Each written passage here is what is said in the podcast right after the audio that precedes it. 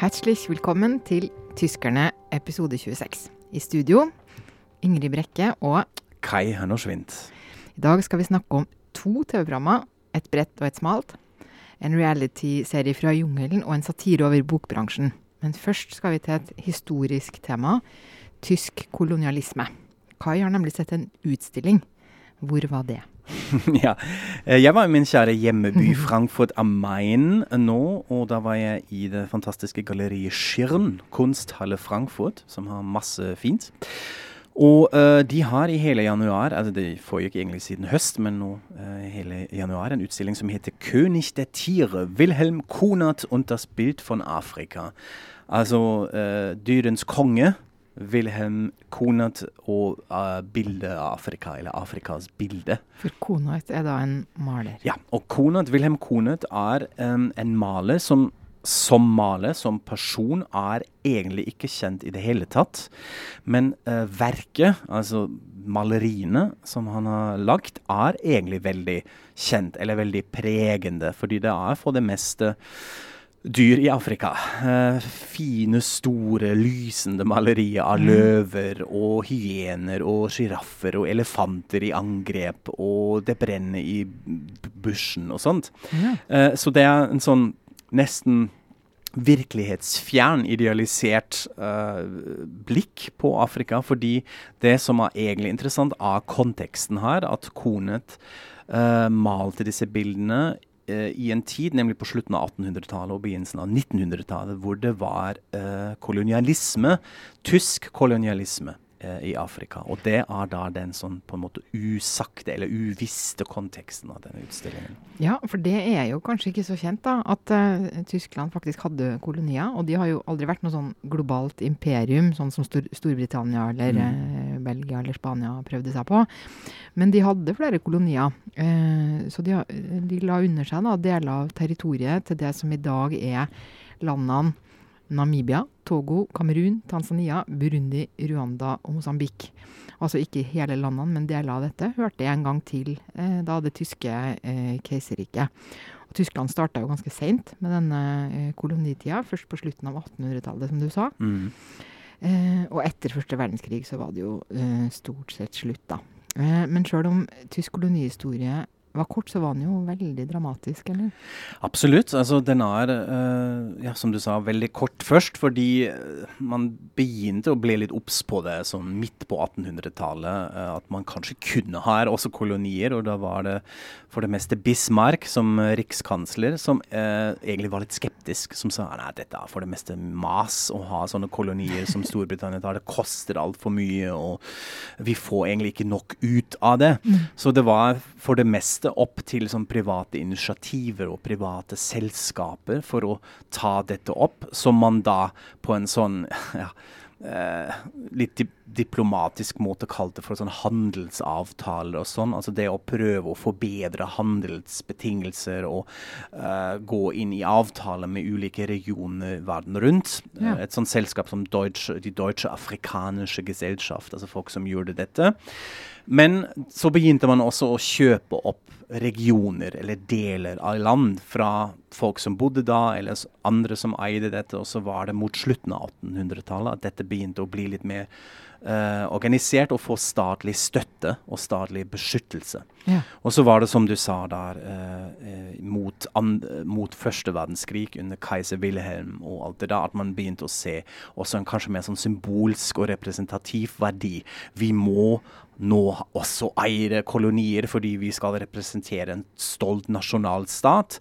Og så skal vi kjøre på, og så skal vi gå inn i de landene, og så skal vi undertrykke, drepe Ja, for det begynte jo liksom, når du begynte å fortelle om dette, så hørtes det jo ganske sånn ryddig ut. Men det ja. var jo eh, veldig blodig og ille. Det var det, og grunnen at jeg var kanskje litt sånn, eh, litt sånn byråkratisk i min fortelling, er også at man lærer ikke så mye om det. Altså Jeg måtte tenke litt tilbake til det. Vi, vi hadde ikke det i historietimen på skolen. Vi har ikke lært noen Nei. ting om uh, tysk kolonialisering. Jeg hadde sånn, lest litt rundt det mye senere uh, i, i, livet. Jeg har jo en sånn hypotese hvorfor det er. Jeg tror at man er veldig opptatt i uh, offentlig diskurs, diskurs, i Tyskland og fokuserer på første verdenskrig, på andre verdenskrig, om holocaust, og så er vi de der. så vi kan ikke ta på oss kolonialisering i tillegg. Ja, det får være grenser, liksom. vi har ja. Noen grenser her, men det er jo også et sånt tegn at man nå begynner faktisk å snakke litt mer om dette, som f.eks. i denne utstillingen. Ja, for det har jo Altså, jeg har jo vært litt grann borti dette når jeg har eh, dekka, eller vært opptatt av tysk ja. politikk i, i Berlin. Um, og særlig forholdet til Namibia har vært ganske sånn konfliktfylt. Og det har vært litt sånn omtalt og omskrevet i, i avisa og sånn. Og eh, jeg satt og googla litt i stad, og da kom dette har jeg Det vekka litt sånn minner om at dette leste jeg ganske mye om i 2013. Og da ble eh, en ti meter høy tysk rytterstatue fjerna fra hovedstaden i Namibia, eh, Windhoek. Og der har de også hatt en sånn runde hvor de har omdøpt uh, tyske uh, gater og steder og sånn, og gitt dem da namibiske navn, noe som har opprørt den tyske minoriteten på stedet. Og for meg var det helt sånn Å ja, dette er sånne ting som jeg er vant til å lese om mer fra det østlige Europa. ikke sant, At sånn yeah. postkommunist-dealing. Men, men, men, der har de også forholdt seg uh, sånn, da, og, og prøver nå å liksom bli eh, bli seg selv, eller hva man skal kalle det. Men det her er jo, er jo bare sånn bagatellting. For det som er den store saken med Namibia, det er jo eh, at Tyskland nekter å anerkjenne massedrap på to folkeslag, Herero og Nama, som folkemord. Og det krever eh, Namibia. Og eh, jeg husker at jeg syntes at det var fremsto ganske sånn eh, dobbeltmoralsk. Eh, fordi det tyske parlamentet holdt på, altså forbundsdagen holdt på litt med dette her. Og da eh, vil, vil, de ikke kalle det folkemord. Eh, andre, altså Namibia og andre mener at de bør, men de har vært da opptatt av å kalle folkemordet på armenerne for folkemord, som har opprørt mm. av tyrkerne. Men man klarer liksom ikke å ta det eh, på seg selv. Og det fins jo et par, det fins opptil flere forklaringer på det, men, men en veldig nærliggende er jo at det medfører en type erstatningsansvar og kan koste mye penger hvis man innrømmer det. Eh, og det andre er at man kanskje føler at eh, man var i hvert fall ikke verre enn de andre. Altså mm. Belgia er jo berykta og ja, sånn. Sånn at sånn var på en måte så det var sånn det var. Men ble dette tatt opp i utstillinga, Kai? Ja, altså både ja og nei. Uh, utstillingen har jo fått en del kritikk. At man sier dere stiller ut disse store, fine maleriet med masse løver og sjiraffer og elefanter. Uh, men man skjønner ikke noe særlig av den konteksten. Så jeg var veldig spent uh, hvordan dette presenteres i utstillingsrommene. Og sånn er det jo også. Altså man har, Fokuset er absolutt disse store maleriene, og det ser veldig idealiserende ut, fordi det er det det er. Altså hvor man ser at dyr representerer egentlig menneskelige egenskaper. Uh, styrke og skjønnhet, og kanskje også så denne måten hvordan Tyskland hadde lyst til å stille seg frem ja. med sånn også verdier. Uh, det som tyske verdier skulle eksportere, eksportere, i verden. Det ser man i de bildene. Men uh, så er dette så uh, man kjører på med nettopp denne presentasjonen at det som er utelatt, uh, er jo også synlig. Uh, at man ser dette her er ikke bare denne overfladiske tilnærmingen som kan fungere. Det man ikke viser, nemlig realistiske fremstillinger av hvordan det var der, det, uh, det, sier jo noe om den konteksten. Og så er det sånne detaljer som jeg fikk gåshud av, må jeg si. Man har disse store bildene, og så er det plutselig sånn små bilder som henger imellom, som har helt andre motiver. F.eks. en sånn nesten en sånn blyantskisse, skissering av um, en henging, altså en svart mann som ble hengt på et tre. Yeah. Uh, hvor man da leser uh, beskrivelse og, og, forstår ok, Konet har vært med i totalt tre ekspedisjoner i uh, Sør- Øst-Afrika, som man kalte det på den tiden, og har gått rundt under beskyttelse med tyske soldater og kolonihær. Koloni, og har vært med i en del uh, folkeopprør som ble slått ned, hvor folk ble drept osv. Selv om han selv har hatt et litt sånn ambivalent forhold mot kolonialisering og har også uttalt seg kritisk, så har han jo profitert fra dette. At han ja. fikk tilgang til det, og kunne gå rundt med soldatene eh, da i savannene og eh, tegne disse fine bilder av dyr. Eh, så jeg syns at eh, utstillingen tar det opp eh, og forklarer denne kritiske konteksten som man, som man, må ha. Men tilbake til det i begynnelsen, at man ikke generelt snakker så mye om det, så er det jo også kanskje et tegn at man burde kanskje snakke litt mer konkret om det. Fordi jeg så i den utstillingen mange sånn barnefamilier, og de gikk rundt og se på den fine løven, og sånn, hvor jeg tenkte oi, OK, får de alle med seg denne konteksten eller ikke? Så man kunne ha kanskje vært litt mer tydelig. Uh, og det er kanskje det den kritikken over utstillingen går ut på. Ja. Da skal vi bevege oss eh, til neste tema. Ja. Fra tysk-afrikansk historie til tysk-australsk nåtid. Det er nemlig igjen sesong for Jungelcamp. Mm -hmm. Et uh, realityshow der kjendiser kjemper om å bli uh, jungelkonge eller jungeldronning i en leir i Australia. Og jeg må jo bare si, jeg har eh, sett dette litt på avstand med veldig stor fascinasjon. Og fascinasjonen begynte med hvordan man bare staver jungel på tysk, da. Hvordan staver man det? Ser det? DSCH. Jungel. vi må jo selvfølgelig få inn en SCH hvor vi kan, så da blir det jungel. Kjempefint. Ja. Jeg syns det er så rart, ja. Men hva slags TV er nå dette da, Kai? Tja, hva slags TV er dette? Først må jeg kanskje litt sånn besserwisse litt og si at eh, programmet heter jo egentlig ikke Dschungelcamp. Den heter Hilfe, ich bin ein Star, hol mich hier raus. uh, Hjelp, jeg er en stjerne, få meg ut herfra. Riktig. Ja. Og dette er basert på et sånn britisk reality-TV-konsept som, som som heter I'm, I'm, a Celebrity, Get Me Out of Here. Eh, hvor man da frakter tja, kjendiser, B-kjendiser, eller hvis vi er realistisk, uh, eh, FGHIJK-kjendiser, til eh, jungelen i Australia, hvor de da skal bo sammen i en sånn camp. Og så må de uh, gå inn i ulike oppgaver som, ofte, uh, som de blir stemt til av publikum. Uh, og de er uh, for det meste veldig ekle, såkalte jungelprufungen. Da må de spise testikler fra en kenguru, eller de må spise insekter, eller de må bade med etterkopper, eller noe sånt. Altså sånn grøss-greier. Uh, og så stemmer publikum hvem som skal inn og ut. Det er den ene delen. Det, det er litt sånn klassisk reality-TV. Og så har man to uh, programledere som er veldig ironiserende, som snakker frekt om disse deltakere. Som er smartere enn deltakerne? Smartere. Måte, de gjør narr av de å ha sånne forhåndsskrevete, men uh, likevel veldig sånn kyniske og frekke kommentarer. Ja. Og det syns folk er veldig bra. Det som er litt interessant med uh, Jungle Camp, og det har du kanskje også lagt merke til, er at dette på en måte er sånn klassisk trash-TV. Uh, går på RTL, altså en sånn privat, kommersiell kanal som er også veldig kjent for sånne trash-TV-konsepter. Men det ble tatt opp rett fra begynnelsen, da det først ble sendt i 2004, av kulturspaltene, eh, kulturkritikken, altså føyetå i Tyskland, som man kaller det. De høyintellektuelle yeah. bladene og uh, journalistene. De hadde en sånn fascinasjon for dette, og det ble skrevet massevis om, om ja, for det er jo veldig, altså Jeg syns også det har vært veldig rart å se. Og det, og det er på en måte tre ting med denne TV-serien som gjør den veldig spesiell. Eh, eh, det ene er nettopp det at den får så mye omtale i disse highbrow eh. Frankfurter Allgemeine dekker dette dag til dag, og mm. Spiegel og alle. Eh, og så er det jo selvfølgelig det at den har enormt høye eh, seertall.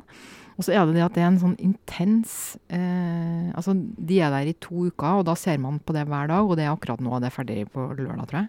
Ja.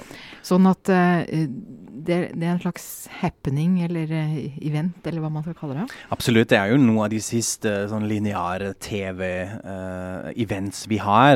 Det det tyske Idol av det andre formatet, Deutschland sucht in Superstar, som det heter, som også blir sendt på RTL.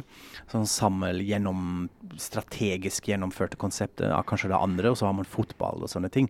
Men det er noe av de få store TV-events som samler folk, og også min feed på Facebook er full med folk som kommenterer dette og har meninger rundt det. Og så mange venner som anbefaler det og sier du må se på det. Og jeg har egentlig nektet siden 2004 å se på det, fordi for meg er det for opplagt, for gjennomsiktig, for litt sånn kynisk og kald. Altså, jeg syns synd på disse uh, kjendisene der, hvor det ofte har åpenbare psykiske lidelser og alkoholikere og alt det der. Og selvfølgelig får de betalt, og selvfølgelig handler det mye om publicity der. Og så sier vennene mine også ja, men det er jo nettopp poenget at vi skal være kyniske og nedlatende. Men jeg mm. klarer ikke å kose meg med dette. Det er for for trashy. Uh, og sånn nå sett. har du blitt pressa til å snakke om det også her i Norge, da. uh, men du skal derfor få lov til å snakke om noe som du veldig gjerne ville snakke om, ja. nemlig en veldig smal uh, TV-serie, som er en satire eh, over forlagsbransjen, og kanskje nesten det motsatte av eh, Jungle Camp, da. Ja, absolutt. Eh, det, det, er det. Og det er jo litt sånn generelt interessant. I januar blir jo ofte nye TV-serier lansert i Tyskland. Eh, og jeg som humorforsker er selvfølgelig veldig opptatt av satire. Uh, og det syns jeg er veldig gøy, og det er også en sånn forskjell mellom Tyskland og Norge. At vi satser litt mer på uh, satirefiksjon som tar for seg litt sånn rare, smale miljøer, og ikke nødvendigvis prøver å snakke til folk flest. Uh, jeg ser ikke så mye av dette her. Altså noe, En sånn satire om forlagsbransjen eller avisen. Eller man har jo hatt Hva har man hatt her? Etaten. Etaten, for eksempel. Og så var det jo denne med Linn Skåber. Ja.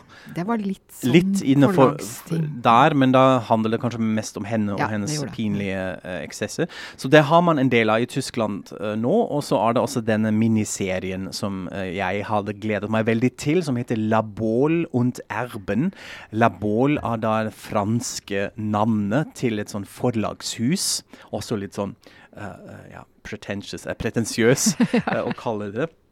Uh, og serien begynner med en fantastisk åpningssekvens, fordi man, man ser altså herr Labol, eieren, den gamle eieren av forlaget, og sin sønn, begge på en Segway, altså disse rare fartøy, ja. og kjøre og kose seg og se så flott vi er på en Segway her, men så ser de ikke at de kjører mot en stup, en sånn fjellstup, og kjører fra den og dør. Uh, så det skjer de første fem minuttene, og så må den yngste sønnen tar over forlaget forlagshuset, eh, som egentlig ikke har noe som helst peiling eh, på dette. Og så handler serien eh, om det. Altså både han som ikke har noe peiling, som også har en liten metakommentar på folk som jobber i forlagshus, og eh, litterat litteraturbetrip, som man kaller det på tysk. Altså liksom bokbransjen og eh, de som syns at de er veldig intellektuelle og smart, men eh, ikke er det egentlig. Og så er det også en avis tilknyttet til det, som man uh, diskuterer litt dette med falske nyheter, og det er en fotograf som har lurt dem og sendt falske bilder. og sånn. Så han, han uh, nye eieren må plutselig inn i denne daglige greier av å være, styre en avis og styre et forlag. Og det handler serien om. Men er det noe morsomt, da? Tja, og det er litt sånn det som var litt skuffende konseptet ser veldig bra ut på papiret, altså hele ideen, og det kan vi også snakke litt om hvem som hadde den ideen, ja. fordi det var egentlig det som fikk meg eh, til å se på dette. Men så er det noe med gjennomføring som ikke er så vellykket. Ove Oksenknecht, som er en veldig kjent eh, skuespiller i Tyskland, som begynte sin karriere i Das Boot, filmen Das Boot, som vi mm. snakka om i siste episoden. Uh, fantastisk. Og han føler jeg er nesten den eneste som, som klarer Som skjønner greier. Men så er det mange andre skuespillere, mange av dem ikke så kjent, som, som ikke spille i samme eh, serien, føler jeg ofte, som er noe merkelig med tonaliteten å gjøre. At de, det blir sånn farsete og ikke naturlig skuespill, som uh, jeg syns var veldig sånn off-putting. Og så er det en sånn merkelig ting, fordi det er en veldig kjent fastspennende skuespillerinne som er med Irm Herman, en stor stjerne av tysk autorenkino fra 70-tallet, som også spiller helt merkelig. Hun spiller spille som hun har sedert, eller som kommer rett fra skuespillskolen, eller jeg vet ikke. Veldig, veldig merkelig. Så jeg blir litt tatt ut uh, hele tida, og uh, syntes det var litt synd at det er noe som ikke fungerer med den iscenesettelsen her, uh, som er døllere og mer støvete og litt sånn rar og merkelig sammenlignet med den premissen som jeg likte så godt. Ja, for pga. hvem som har lagd dette, så hadde jo du veldig høye forventninger. Ja, fordi ideen hadde Harald Schmidt, ja. og de som er kjent i Tyskland, har absolutt hørt navnet sikkert før. Harald Schmidt er en veldig veldig kjent programleder, skuespiller, kabarettist, som vi kaller det. og Han hadde i jeg tror det var nesten 20 år et veldig kjent late night show. Uh, sånn à la David Letterman, uh, som egentlig ja, startet som en sånn Letterman-kopi, men så fikk de en sånn egen vri på det programmet. Og i hvert fall sånn rundt 2000-tallet til 2008 2008 så var det noe av det mest relevante referanse-TV på tysk TV. Noe som alle så på, han som satt på dagsordenen, det man snakker om. Måten Harald Schmidt tullet om dagsaktuelle ting på kvelden, det var det man, man burde få med seg. Uh, og han er en veldig sånn skarp, fantastisk smart fyr, uh, som er, jeg ofte ble omkalt som en cyniker, altså en kyniker, som har et sånn nedlatende blikk på sin egen egen bransje og på mennesker generelt og på samfunnet. Og det er nettopp det som er så gøy å se på. Uh, så han, kom, han, er kabarettist, så han kommer fra den tradisjonen som er litt annerledes enn standup-comedy. Litt mer politisk og litt mer sånn moralsk, kanskje, preget. Uh, men han gjør narr av alle, og litt sånn ohne forluste, som vi ser, ohne ruksicht av forluste, som vi ser på tysk. Altså alle får det, uh, uansett om du er venstre eller høyre eller no, hva du nå er. En skummel mann. En skummel mann, men veldig underholdende mann, og jeg anbefaler å bare søke han på YouTube. Han er også veldig, uh, veldig flink med i, i intervjuet. Altså når Harald Schmidt blir intervjuet, så er det en sånn event i seg selv. Så ja, jeg har det store forventninger. Dessverre er La Bolle og Erben ikke så vellykket. Kanskje han burde skrive manus selv, ikke bare konseptet og regissere. Så jeg håper han, uh, han gjør mer i fiksjonsverden, fordi da har han egentlig også en veldig sånn spennende stemme å få med seg. Tja, altså, jeg vet ikke helt om man skal anbefale det, men man kan jo ta en titt uh, og kose seg litt med forlagsbransjesatire. men før vi runder av i dag, så må vi jo absolutt se på vår ordspalte. Og da fikk jeg sånne signaler tidlig i prosessen at du hadde funnet noe. Ja. Ingrid, hva slags ord skal vi snakke om? Jo, jeg hadde funnet ord. Men så fant jeg jo et nytt et uh, i dag, da, når vi skulle Oi, yeah. forberede uh, Når jeg skulle forberede Jungelcamp, så måtte jeg jo gå inn og se på lista over hvem er med i år. Ja. Og da er jo, det er jo veldig morsomt, fordi at da har jo uh, RTL lagt ut en liste med alle navnene, og så er det titlene hva, hva, er de for noe? Og man har selvfølgelig en pornostjerne, som også er sexekspert, hva nå det Ja. og man har noen som bare er på en måte reality de har vært med i andre reality-serier. Mm -hmm. Men så hadde man også en um, Potts-millionær. Og det måtte jeg jo slå opp. Hva er det? Potts-millionær. Mm -hmm. Og det er da en millionær som pranger med rikdommen sin, som jåler seg til og sikkert har sånn diamantbriller og sånne ja. ting, da, som jeg liker. Men ja. Eh, så det syns jeg var kjempemorsomt. Kan man oversette det direkte til prangemillionær? Funker det? Vet ikke. Det høres rart ut, tror jeg. Ja. Jeg vet ikke helt hvordan man Det er jo også eh, Kanskje jålemillionær? Jeg vet ja, ikke. Sånn, I mine ører er dette litt sånn Bildt-Zeitungslingo, altså den største tabloiden eh, som liker å komme med sånne formuleringer. Det høres ut som noe de kunne ha funnet på. Men det er en fin beskrivelse, jeg er helt enig. Det gir et tydelig bilde. En sånn white, trashy rik person. Man har jo også det ordet nyrik, neureich, har man. Ja, mm. Men dette er enda verre. Det er noen som liker å vise frem sin bad taste. ja, nettopp. nettopp. Eh, ja, veldig bra. Ja, ja men, men jeg fant jo et annet ord først. Ja. ja og det ordet er da kurzweilig. Ja. ja. Og det syns jeg var helt utrolig, for jeg hørte det nå på en podkast, og jeg har jo aldri hørt det før. Følte jeg i hvert fall, da. Det hender jo man har hørt ord og ikke registrert dem, men det var helt sånn wow. Og langveilig er jo et ord som vi alle kjenner og bruker uh, kanskje for ofte. Kjedelig. Så Kjedelig. Mm -hmm. Og kortsveilig, det er jo da det motsatte av kjedelig. Det Mhm. er jo da at tiden flyr, og, og det ikke tar noe tid og sånn. Så det syns jeg var kjempeartig. Veldig fint ord, uh, og jeg var litt overrasket at jeg ikke hadde hørt det før, Mhm. fordi man bruker det egentlig ganske mye Ja. uh, på tysk. Man bruker dette ikke direkte oversatt til norsk, og det måtte jeg jo finne ut når jeg trodde jeg kan bløffe meg gjennom i en samtale med en norsk venn og bruke ordet korthvilig.